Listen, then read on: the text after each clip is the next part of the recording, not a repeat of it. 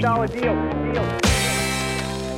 Då säger vi äntligen måndag! Men det är ju inte vilken måndag som helst, det är en vecka kvar till julafton och det är ju faktiskt första avsnittet av Investerarens podcast. Och det känns ju lite ovant, det är svårt att lära en gammal hund att sitta, för det är ju Filip som brukar säga äntligen måndag i podden Prata pengar.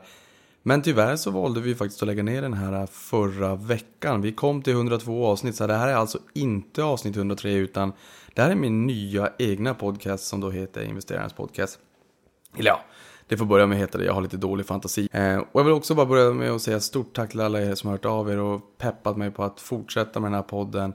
Och har sagt att ni kan skapa jinglar och bilder och hjälpa till med det ena och det femte. Och ehm, även liksom heja på och sagt att ni vill att det här ska fortsätta. Det betyder otroligt mycket. Det fantastiskt kul att se vilket otroligt driv och engagemang det finns där ute. Och jag har som ni vet lovat att jag kunde tänka mig att podda i 40 år framåt och finnas där för att hjälpa er och hålla er i handen när det också går ner på marknaden.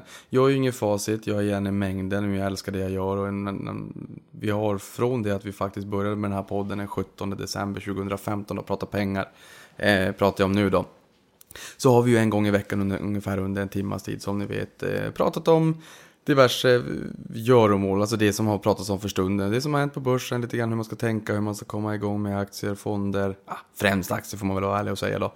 Ehm, till hur man liksom ska tänka för att kunna sätta pengar i arbete och låta pengarna jobba för dig istället för att bara jobba för pengar och kanske också på, på så sätt kunna uppnå de drömmar, mål och visioner man har här i livet och kunna leva livet på det sätt man vill, inte måste. Och det här tänker jag fortsätta med för jag har sagt att jag ska podda i 40 år, ja men då ska jag göra det också.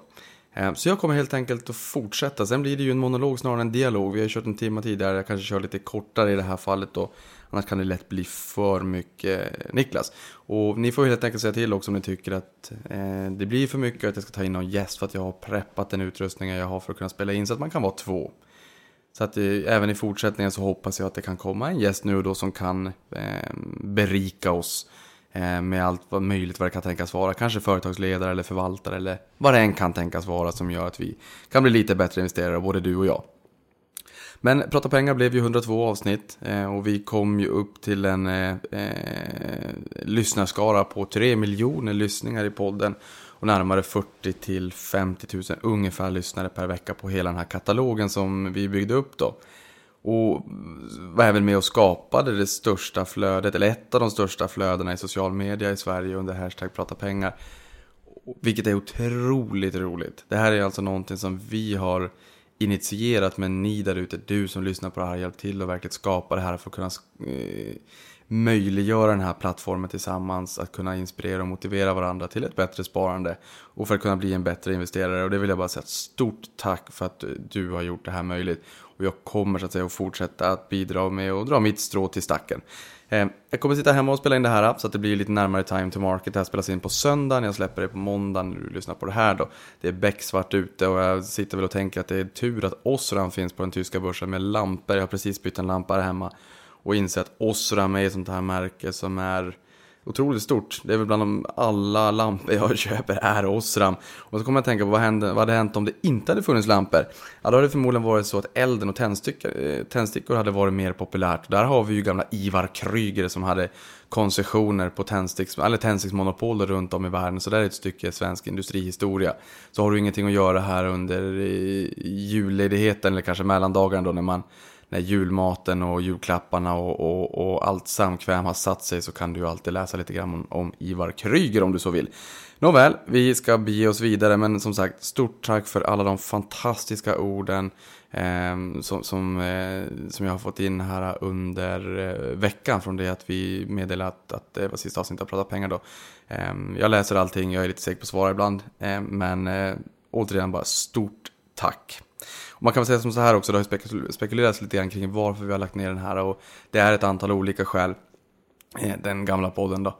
Eh, det är ett, ett antal olika skäl. Legala är ett av dem, MAR-regelverket eh, som lite grann ehm, hindrar för vad man får säga och inte och vi sammanblandas med Avanza där jag är anställd och jobbar, likaså Filip. Unga Aktiesparare och andra samarbeten. Och det vart helt enkelt för mycket och sen så valde vi då att flytta hem det och, och, och sluta på toppen. Men jag tycker att det här är ju inte toppen. Vi har ju precis bara börjat. Eh, och därför som sagt så, så startar jag den här istället, så, så kör vi vidare. Och, och, jag hoppas ju att vi kan ha en dialog precis som vi haft tidigare. Så att det ni vill skriva och det ni vill säga, kör under för att eh, hashtag prata pengar på främst Twitter då. Vi fortsätter, men det finns ingen anledning att, att eh, byta hashtag för någonting som redan har funkat. Men vill du komma i kontakt med mig så kan det ju vara vettigt att kanske köra hashtag investeraren då, om det är specifikt till mig för det är lättare att följa det flödet. Eh, om det är något specifikt jag ska ta upp här i podden. Annars kan du även mejla till mig på kontakt investeraren.com. Kontakt alltså på svenska. Eh, investeraren.com så läser jag det också. Eh, och jag tänker väl som sagt då att vi pratar lite om vad som har hänt senaste veckan. Jag försöker ha ett tema i varje avsnitt, lite mera tematiskt. Några frågor, nyhetssvep och lite mera eh, nergrottat kring värdepapper. Men jag kommer fortsätta att ta på mig de ekonomiska glasögonen och försöka tolka det som händer där ute i vida världen, i finansdjungeln och förklara det på ett lättförståeligt, enkelt och roligt sätt för att fortsätta inspirera och motivera.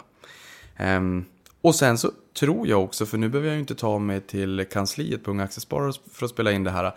För det har tagit en timme, jag kanske lagt ner fyra timmar i veckan på, på podden tidigare. Och nu frigörs det lite tid. Så jag tänker mig, det kanske till och med finns möjlighet att man gör ett frågeavsnitt en gång i veckan eller varannan vecka eller vad det kan tänkas vara. För vi får in så otroligt mycket frågor och har fått historiskt. Och vi har ju inte kunnat ta hand om det här i så det har varit en 300-400 notiser per dygn på Twitter. Inte lika mycket frågor, men sen har det även varit väldigt mycket mail. Så jag hoppas att om ni vill att jag kan göra ett frågeavsnitt också där vi löpande kan, liksom, kan ta upp de frågorna som kommer in. Men som sagt, varför vi då flyttade den här podden var för att eh, eh Unga Aktiesparare och eh, förbundsstyrelsen tyckte att det här har man byggt upp inom Unga Aktiesparare. Det är en otroligt viktig källa för att få in nya medlemmar till förbundet och det, det har ett rejält värde, det ville man inte tappa. Ehm, och jag har väl respekt för det och jag tycker att jag har varit med och byggt upp det där men samtidigt så mitt syfte var ju faktiskt att ge tillbaka till, till ungdomar. Sen att det har blivit så mycket större och att det är väldigt många där ute i alla ålderskategorier i, i alla delar av vårt avlånga land som lyssnar. Det är ju bara en bonus men syftet var ju att faktiskt kunna ge tillbaka och kunna, kunna eh, hjälpa de här ungdomarna som vill komma igång med sparande. Så att, Eh, av den anledningen då så, så behåller Unga Aktiesparare varumärket och vad de gör med det framåt det får vi helt enkelt se. Men jag kommer finnas i, i det här forumet då. Eh, men om vi ska börja med vad som har hänt under veckan eh, så kan man väl säga som så här att eh, elefanten i rummet, Hennes och Maurits, ingen rolig eh, läsning. Det var ju en ordentlig sättning i den där aktien när, när eh, försäljningssiffrorna för det fjärde kvartalet kom. Det var ner 15% som mest. Det är ju ett stort bolag. Då ska vi alltså komma ihåg att Hennes och Mauritz har ju varit det största bolaget på Stockholmsbörsen. Det är inte längre i dagsläget, det är eh, Atlas Copco. Eh, men det har varit och anledningen till det här, jag menar, Hennes Maurits toppade på 368,50 den eh, 5 mars 2015 om jag inte missminner mig. Vilket innebär att den här aktien har också fallit i 1019 dagar, inte då börsdagar utan totalt dagar. Ner över 50 procent, eh, ner 52,7 procent om, om man ska vara exakt.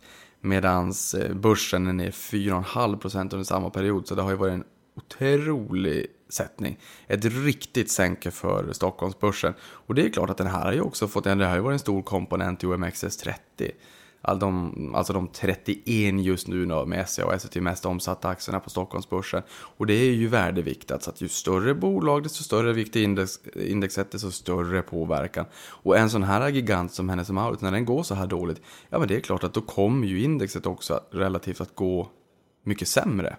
Sen har vi sett att eh, OMXSPI har gått mycket bättre än OMXS30 och det är det breda indexet med alla 300 tror att det är 365 aktier på Stockholmsbörsen nu då, eh, har gått bättre än OMXS30 då med de 31 mest omsatta aktierna som utgör ungefär 60% av Stockholmsbörsens totala värde. Även fast de är mindre till antalet så är det giganter, det är större eh, tyngd, det är större pjäs. Det, det, det är ju utvecklingen på de här bolagen som spelar störst roll egentligen för Stockholmsbörsen. Så det här är jobbigt och eh, Analyspodden, en podd av Dagens Industri, är otroligt bra. Rekommenderar verkligen dig att lyssna på den om du inte redan gör det. De sa att det här är det största fallet sedan 2001. Och då i pratande stund får man ju säga när de spelade in den här podden i fredags då. Eh, fredags den 15 december så sa de att nedgången var 50 miljarder motsvarande i börsvärde. Jag vågade inte räkna riktigt på det här själv för jag vet att det finns Eh, A-aktier i, i Hennes Mauritz som inte är börsnoterade. Men jag menar, 50 miljarder, det man kan säga att det är ju en enormt stor slant pengar. Det är mycket värde som eh, försvann där. Och vi vet ju att marginalerna och vinsten har fallit under ganska lång tid. De senaste fem åren med rörelsemarginalen, det har vi varit in på tidigare, rörelsemarginalen eh, låg på kring 18 procent, den är nere på 12 idag ungefär. Eh, vinsten sackar, eh, kassan sinar, men försäljningen har ju funnits där. Så att man har ökat försäljningen. Sen gjorde man ju om tillväxtmålen också här för en tid sedan där man sa att nu är det inte explicit så att vi ska växa med 10% nya butiker varje år utan eh, sa att vi ska växa eh, med butiker och online i lokala valutor. Eh, det kan, jag tror man sa 10-15%, jag tar inte gift på jag tror att det var 10-15% i lokala valutor. Eh, så där gick man ju ut och sa att indirekt, det blir lite implicit, men att man fokuserar mera på online. Men jag tycker ju inte riktigt att man har tagit den här omställningen till online på, på riktigt allvar. Eh, och omställningen har ju gått riktigt fort. Jag är lite osäker på om någon faktiskt trodde att det skulle gå så fort som vad det faktiskt har gjort. Eh, och vi kan säga Inditex är ju den stora konkurrenten med Sara, Massimo Dutti, Pull Bear med, med flera. De eh, har ju fortfarande betydligt bättre marginaler och också en högre värdering som sig bör. Jag menar, hennes Maurits har handlats på ett P-tal kring 18 till 24 ungefär eh, historiskt. Det gör de inte idag, det ska de inte göra idag heller. Med tanke på att de har så pass stora utmaningar som de inte riktigt kan adressera. Eh, försäljningen måste öka. Jag menar, andra konkurrenter visar att det, det går att växa. Hennes Mauritz måste öka försäljningen, för försäljningen är ju också en nyckel till att faktiskt kunna öka eh, vinsten. Eh, för utan, utan den här lilla träklubban, trä, vad säger man?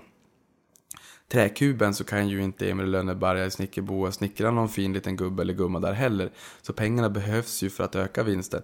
Så att försäljningen minskar, marginalerna minskar, det vill säga att det man tjänar per omsatt krona faller, vinsten faller, eh, kassan sinar och det finns risk för utdelningen helt enkelt.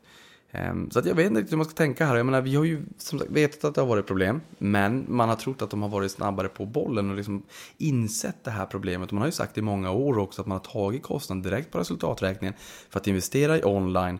Men nu undrar jag så här, är de investeringarna obsoleta? Och det tror jag att ska man vara fortsatt aktieägare i, i Hennes Mauritz, åtminstone i det korta perspektivet, så ska man nog ställa sig frågan, de investeringar som de har gjort de senaste åren, är de obsoleta? Eller finns det ett reellt värde? Jag är rädd för, och det jag hör när jag pratar med människor som jobbar på Hennes Mauritz är att de har ett stort IT-legacy.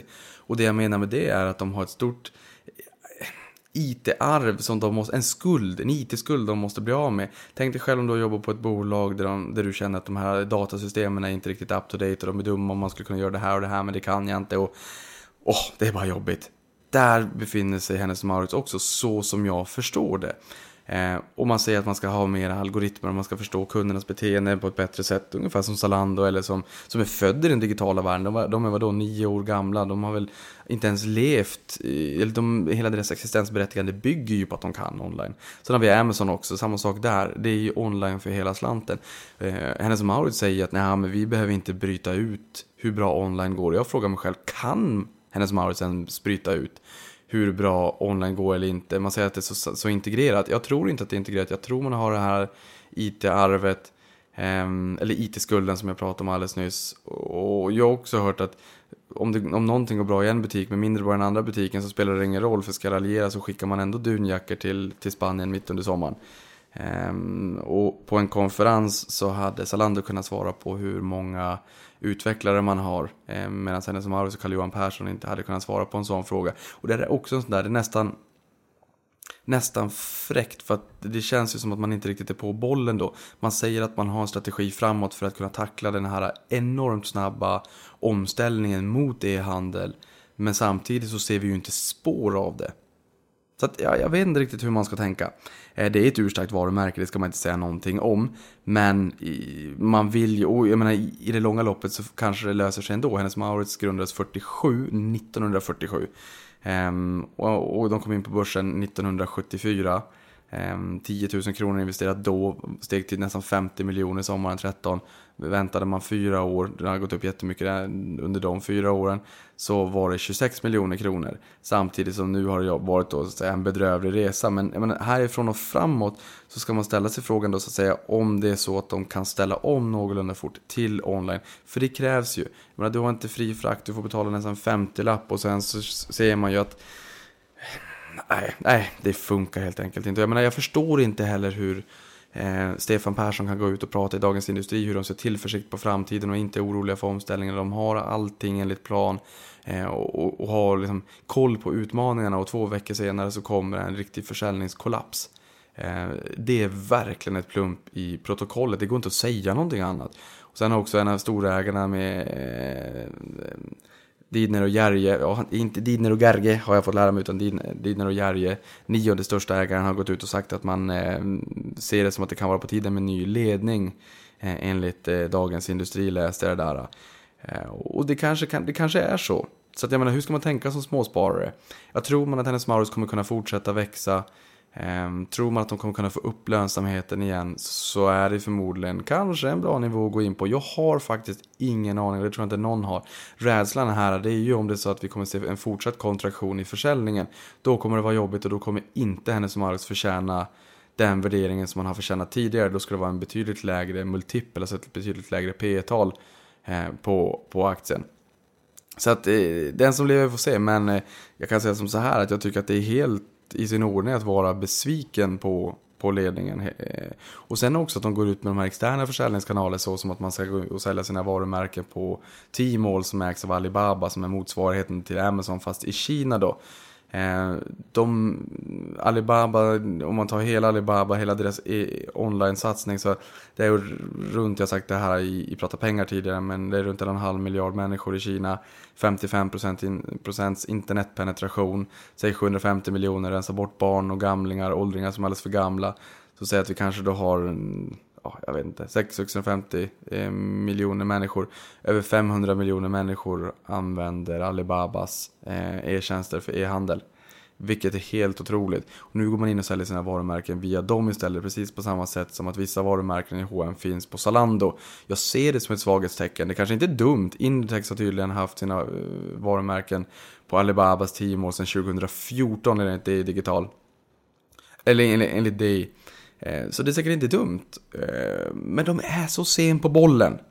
Ja, nåväl. Skriv gärna hur ni, vad ni tycker om, eh, om Hennes Mauritz och hur ni tänker under hashtag prata pengar. Sen kan vi också säga så här, amerikansk retail verkar ha vaknat till den senaste tiden. I slutet på oktober så hade vi ju en, eh, vad jag kallar för en, en, en eh, sektorrotation. Eller vad jag kallar för, det är lite så det kallas. När man ser att en sektor tar stryk till förmån för en annan sektor. Och så brukar det kunna vara, men det finns inte hur mycket pengar som helst där ute.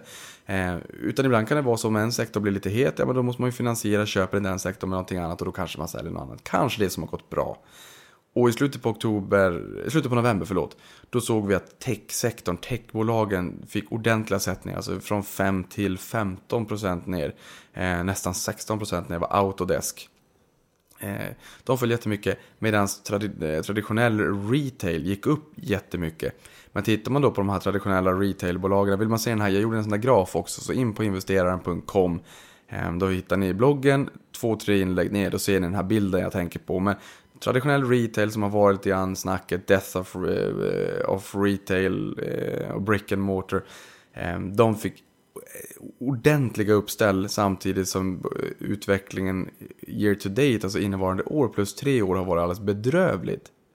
Samtidigt som techbolagen fick en ordentlig sättning. Man har levererat fantastiska värden både year to date, alltså innevarande 2017, men även tre år. Så att klassisk sektorrotation helt enkelt. Men då hittade jag en eh, artikel från, eh, jag tror det var CNBC, där man sa att just retail är en sektor som gynnas ganska mycket om det är så att det nya skatteförslaget i USA går igenom. Donald Trump, han är ju marknadsvän, säger vad man vill om honom hit och dit. Men det är fortfarande så att han är eh, en vän av aktiemarknaden. Och ta, sen tar han ju gärna åt sig all ära också att aktiemarknaden har gått upp sen 8-9 november där någonstans när han, eh, när han blev vald till president. 8 november i USA, vi vaknar upp 9 november i Sverige då. Men eh, förra gången det begav sig med skatteförslaget och sa man Russell 2000 gick upp jättemycket. Det är mindre bolag i USA för de har en större del av sin försäljning domestikt i USA. Ett lägre skatteförslag. En lägre skatt innebär ju att den intjäningen man har idag, den skatten man betalar idag eh, kapas ganska ordentligt. Men jag menar om du har en stor del av försäljningen utomlands där du inte tar hem de här vinsterna, ja då påverkas du ju inte lika mycket. Men man vill ju gärna att de här stora gigantiska bolagen i USA tar hem pengarna till USA. Eh, och återinvesterar i USA. Nu verkar det som att det, om så blir fallet, är det många bolag som tänker sig att det går till aktieåterköp och till utdelningar. Ehm, sen är det inte ens säkert att alla bolagen heller kommer att ta hem pengarna. Jag hade ju förmånen att vara i Silicon Valley här för en tid sedan och träffa finanschefen i Electronic Arts. Som ett av världens största spelbolag och han ställde sig ju ganska tveksam till huruvida de faktiskt skulle ta hem pengar. Även om det här skatteförslaget blev en verklighet. Nu blir det här en liten utsvävning som ni märker. Men det man sa då, skatten är idag 35% i USA. Sen sitter det en massa människor och räknar på det här och avdrag, avdrag, avdrag, avdrag, avdrag. Så att den effektiva skattenivån är nog säkert kanske kring 20%. Ta inte gift exakt på nivån, det går säkert att googla upp. Eh, men Donald Trump vill ju ha 15%. Sen sa man, ja men runt 20 kanske vi kan landa. Och det senaste budet här som, som verkar ha vunnit eh, tycker det är ju att man skulle landa då kring 21 procent. Eh, men jag vill bara dela med mig av en bild också som eh, Goldman Sachs då har, eh, har eh, mappat upp. Där de säger att retailbolagen med störst del av försäljningen eh, i USA och hur de då kan tänkas påverkas om det är så att man sänker skatten. Best Buy, det är som ett, ska vi säga, ett Elgiganten fast lite mindre butiker i cityläge där de har lite sådana här, eh, ja vad heter de då? Sådana här maskiner där man kan köpa läsk och godis och sådär på T-centralen om man då är i Stockholm eller flygplatser eller vad det kan tänkas vara. Best Buy har, har sådana där Ehm, på lite överallt, flygplatser och hit och dit, men där kan du köpa elektronik istället. Och sen så har de butiker i citynära lägen. De har 84% av försäljningen i USA och eh, de skrev att EPS impact from lower rate plus eh, repatriation. Det vill säga att eh, påverkan på vinsten per aktie från den lägre skattesatsen plus att man då tar hem eh, vinster från utlandet om så finns i mindre utsträckning på de här mindre bolagen än större. Där säger man att effekten på vinsten per aktie är 26%.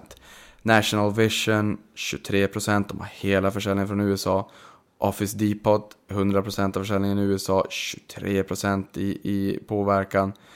RH, RH 100%, 23% påverkan på EPSen. Advanced Auto Parts 100% av försäljningen, 22% på vinsten. Eh, ja, sen är det några till. Eh, jag kan lägga upp den här bilden sen på investeraren.com så, så hittar ni den. Eh, eller vet du vad? Jag gör så här också. Jag lägger upp den på Twitter, ät investeraren, så hittar ni den här bilden. Eh, sen kan man säga som så här, det är ju snart julafton också. Eh, och några av er kanske är precis som mig som kommer ge er ut här dagarna innan julafton och, och göra de här sista köpen. Det blir offline-köp. Även om jag är aktieägare i Amazon. Men jag tänkte börja som så här. Jag delar med mig av några böcker som jag tycker är ganska vettiga. Som kom när det handlar om finans. Ehm, för att, ja, ni får väl ge bort lite humankapital helt enkelt. Och den första är Rich Dad Poor Dad med Robert T. Kiyosaki. En av de bästa böckerna jag har läst. Men det handlar inte om hur man investerar utan snarare om hur man ska tänka. Sen har vi Get Rich Carefully med Jim Cramer. Eh, Jim Cramer på, på eh, CNBC, The Squawk on, The, The Street har han grundat. Eh, och har en podcast som heter Mad Money med Jim Cramer, 45 minuter på engelska varje morgon. Otroligt bra. Han är en karismatisk får man säga, minst sagt eh, frontfigur för amerikanska börsen. Så att, eh, lyssna på den podden också om ni vill, om ni inte redan gör det. Eh, om ni har en 45 minuter över varje dag. Sen har vi Get Rich with Dividends, som handlar om utdelningar och varför eh, författaren då tycker att bolag som ger en utdelning, som har en bra kontinuitet över det här, som lyckas bättre över tid, som har en krockkudde när börsen är sur och varför man ska återinvestera utdelningen och vad det gör över tid. Så att säga. Jättebra bolag. Eh, jättebra bolag. Ja, det är det nog säkert. Jättebra bok för de som gillar utdelning och den typen av eh, strategier. Eh, glöm inte bort att det är ju totalavkastningen som räknas, och kurstillväxt plus utdelning, totalavkastning. Sen har vi One Up on Wall Street med Peter Lynch. Sen har vi Tändstickskungen med Ivar Kryger. Det här är ju lite ett stycke svensk industrihistoria, men eh, trots det väldigt intressant. Eh, The Intelligent Investor med Benjamin Graham som sägs vara lärofaden till Warren Buffett, eller sägs det, säger han ju själv så att säga. Ehm, sen har vi Trading Guiden. Tradingguiden låter avancerat och trading och hit och dit, det är den inte. Jag skulle säga att den är snarare lite grann en, en, en börsbibel för det är otroligt mycket eh, nyttig kunskap och allmänbildning när det kommer till börssparande och investeringar. Den där riktigt bra. Eh, sen har vi köp billigt, sälj dyrt. Vägen till din första miljon. Företagsvärdering. Bli grymt rik på aktier. Hitta kursvinnare. Den enkla vägen att lyckas med aktier eh, med Marcus Hernhag. Den enkla vägen att hitta världens bästa aktier. Och sen den enkla vägen att bli rik på aktieutdelning. Det är tre böcker. Sen vill jag också säga tack till Charlie Wilton på eh, Twitter som la upp en bild där han skriver inspirerad av investeraren kör jag bara på börsnoterat i granen så är det sådana här julgranskulor. Jag säger Pumla eh, från Norrbotten fast det är ingen som förstår vad jag menar. Så julgranskulor med sådana här McDonalds M och McDonalds är ju börsnoterat. Eh, ja. Eh, Precis, men inte minst. Eh, nu är vi 25-26 minuter in och jag tänker mig att det får väl kanske bli någonstans 30-40 minuter podd. Om ni inte säger annat. Eh, I och med att det nu bara är en person, det blir lite av en monolog. Och sen så hinner ni också lyssna på den här eh, ganska snabbt. Men nu är det dags för nyhetssvepet och då kan vi säga att Fortnox storägare Olof Hallrup dömdes ju nyligen för grovt insiderbrott och nu lämnar han styrelsen i bolaget. Och därmed ställer man också in den extra stämma som var planerad till 10 januari nästa år. Eh, och sen kan man ju säga så här att aktien har inte reagerat nämnvärt på det här beskedet. Och då när jag säger så så menar jag beskedet av att han både misstänktes och sen sedermera också dömdes för eh, grov eh, insiderhandel. Grovt insiderbrott ska jag säga. Ehm, det var en, en, någon person på en mack där han pratade lite för mycket. Sen Walt Disney eh, köper stora delar av 21st Century Fox och kan därmed ta upp kampen med streaminggiganterna såsom Netflix och Amazon. Och prislappen på det här landar på närmare 440 miljarder kronor. Vilket är mer än vårt största börsbolag i Sverige. Nu räknar jag inte med ABB och AstraZeneca för de har sina primärnoteringar utomlands utan pratar bara om de bolagen som är Eh, primärnoterade i svenska ISIN-koder. En svensk ISIN-kod är som ett personnummer eh, över ett värdepapper börjar med SC om det är noterat i Sverige. Eh, och förutom streamingtjänsten Hulu som de redan är delägare i, eh, som jag förstår det, så får man även med X-Men, Avatar, Simpson och National Geographic med, med mera, med mera. Så det är ju en jättestor affär och är det så att den här affären inte skulle gå igenom så är även bötesbeloppet väldigt, väldigt stort. Men det är ju det är den här typen av affärer. Det är ju en minst sagt väldigt stor affär. Bitcoin handlas på derivatmarknaden CBOE i en vecka eh, i Chicago. Och kan det vara prestige att CBOE är först ut? Kan så vara. Och sen undrar jag också om det är så att terminshandeln kan minska volatiliteten i spotpriset. Eh, och att man kanske hellre tar en exponering via just CBOE. Och när jag pratar om spotpriset så menar jag att priset man betalar här och nu för direktleverans. För handlar man på en termin, då handlar man ju Eh, på ett pris med en leverans i framtiden. Så jag kan ju handla eh, en termin idag, men leveransen sker ju om två, tre månader. Exempelvis, och då, måste jag, då tar jag risken att om jag handlar idag, då vet jag ju vad jag får för pris i framtiden. Men bitcoin har ju varit en otroligt svängigt eh, tillgång. Så att om det är så att man handlar mer via terminen kan det kanske mätta och lugna ner volatiliteten lite grann. Jag har ingen aning. Det var någonting som jag bara satt och spånade på här eh, kring eh, här på, på söndags eftermiddag. För det kanske är så att man hellre också vill ha en, ett derivat, en, en termin på, på eh, just CBOE istället för att köpa underliggande bitcoin på någon bitcoinbörs. Till saken hör jag kanske också ska säga att jag har själv inga bitcoin, varken har eller har haft tidigare heller. Synd om mig. Sen kan man säga att Nasdaq Stockholm planerar att införa en ny modell för illikvida aktier med auktionsförfarande tre gånger per dag istället för löpande handel. Och med tanke på den galna kursresan i huvudstaden C i somras när en aktie kan gå från 200-300 kronor upp till 2000 för att bara några dagar senare igen handlas kring 200-300 kronor, och en nedgång på 84-85% ja då kan jag kanske tycka att det är ganska bra att det här görs. Likaså med Aspiro. Ehm, jag har ett inlägg som är något år gammalt på Aspiro Madness, om du googlar det så ser du lite grann vad som händer där också. För det är ju så tyvärr att småsparare hamnar i kläm här. Och då kan man ju också tycka att ja, men det här är kanske den enskilda individens ansvar. Och det kanske det också är. För vi pratade med Joakim Strid eh, som är chef för marknadsövervakningen på Nasdaq i Avanza Play. Och han menar också på att det här är ju den enskilda individens ansvar. Ja, det är det ju. Men det är ju också synd för det här är ju en förtroendebransch och det är inget roligt om småsparare bränner sig. Och att man så kan inte komma tillbaka till marknaden. Sen har du ju också ett eh, vad ska man säga, eh, det är ju en förtroendemarknad och jag menar att det ligger nog även i Nasdaqs intresse att man har förtroende för de här handelsplatserna. Eh, och även de här håsforumen som håsar aktier, de poppar upp som maskrosor. Så att, ja, jag vet inte, men det här, jag kan tycka att det här ändå är, är, är ganska bra just på de här illikvida aktierna. Sen har vi Alibabas videotjänst Youku som bland annat konkurrerar med Googles, Alpha, eh, Googles YouTube, eller Alphabets YouTube då. Eh, och har signerat avtal med NBC Universal och Sony Pictures. Sen har vi även Tencent och Baidu som har också sina egna motsvarigheter. Ehm, men i Kina som jag förstår det så är de inhemska streamingtjänsterna fortfarande mest populära, vilket är rätt intressant. Det kan ju också vara så att man kanske har eh, eh censur eller vad det kan tänkas vara så att man inte får använda de här internationella tjänsterna. Jag vet faktiskt inte där heller. Så har vi HQ som förlorar tvistemålet och därmed frias Mats Kvidberg helt. Eh, HQ AB ska ersätta Kviberg med flera för rättegångskostnader motsvarande 260 miljoner kronor.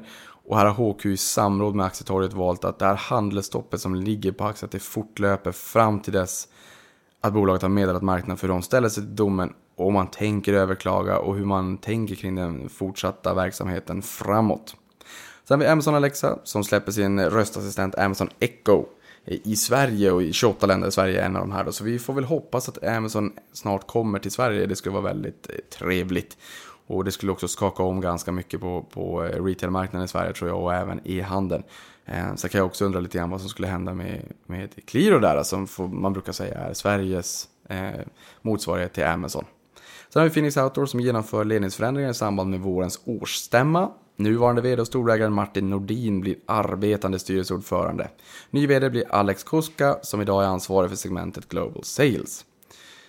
Ehm, sen har vi hotellfastighetsbolaget Pandox som är en liten udda fågel som köper hotellfastigheter för 9 miljarder i Storbritannien och på Irland. Och enligt bolaget så påverkar det här bolagets resultat och kassaflöde positivt från start. Och när jag säger att det är en liten udda fågel det är för att det är ju ett eh, hotellfastighetsbolag men de är även egen operatör också. Så om det går lite dåligt för, för eh, exempelvis någon Scandic eller vad det kan tänkas vara som är operatör, ja då kan de ta tillbaka den här hotell, hotellfastigheten och, och köra det i egen regi. Eller då hjälpa hotelloperatören att Ehm, förbättra försäljningen eller vad kan tänkas vara för att man har best practices just när man också har erfarenhet av att driva egna hotellsatsningar.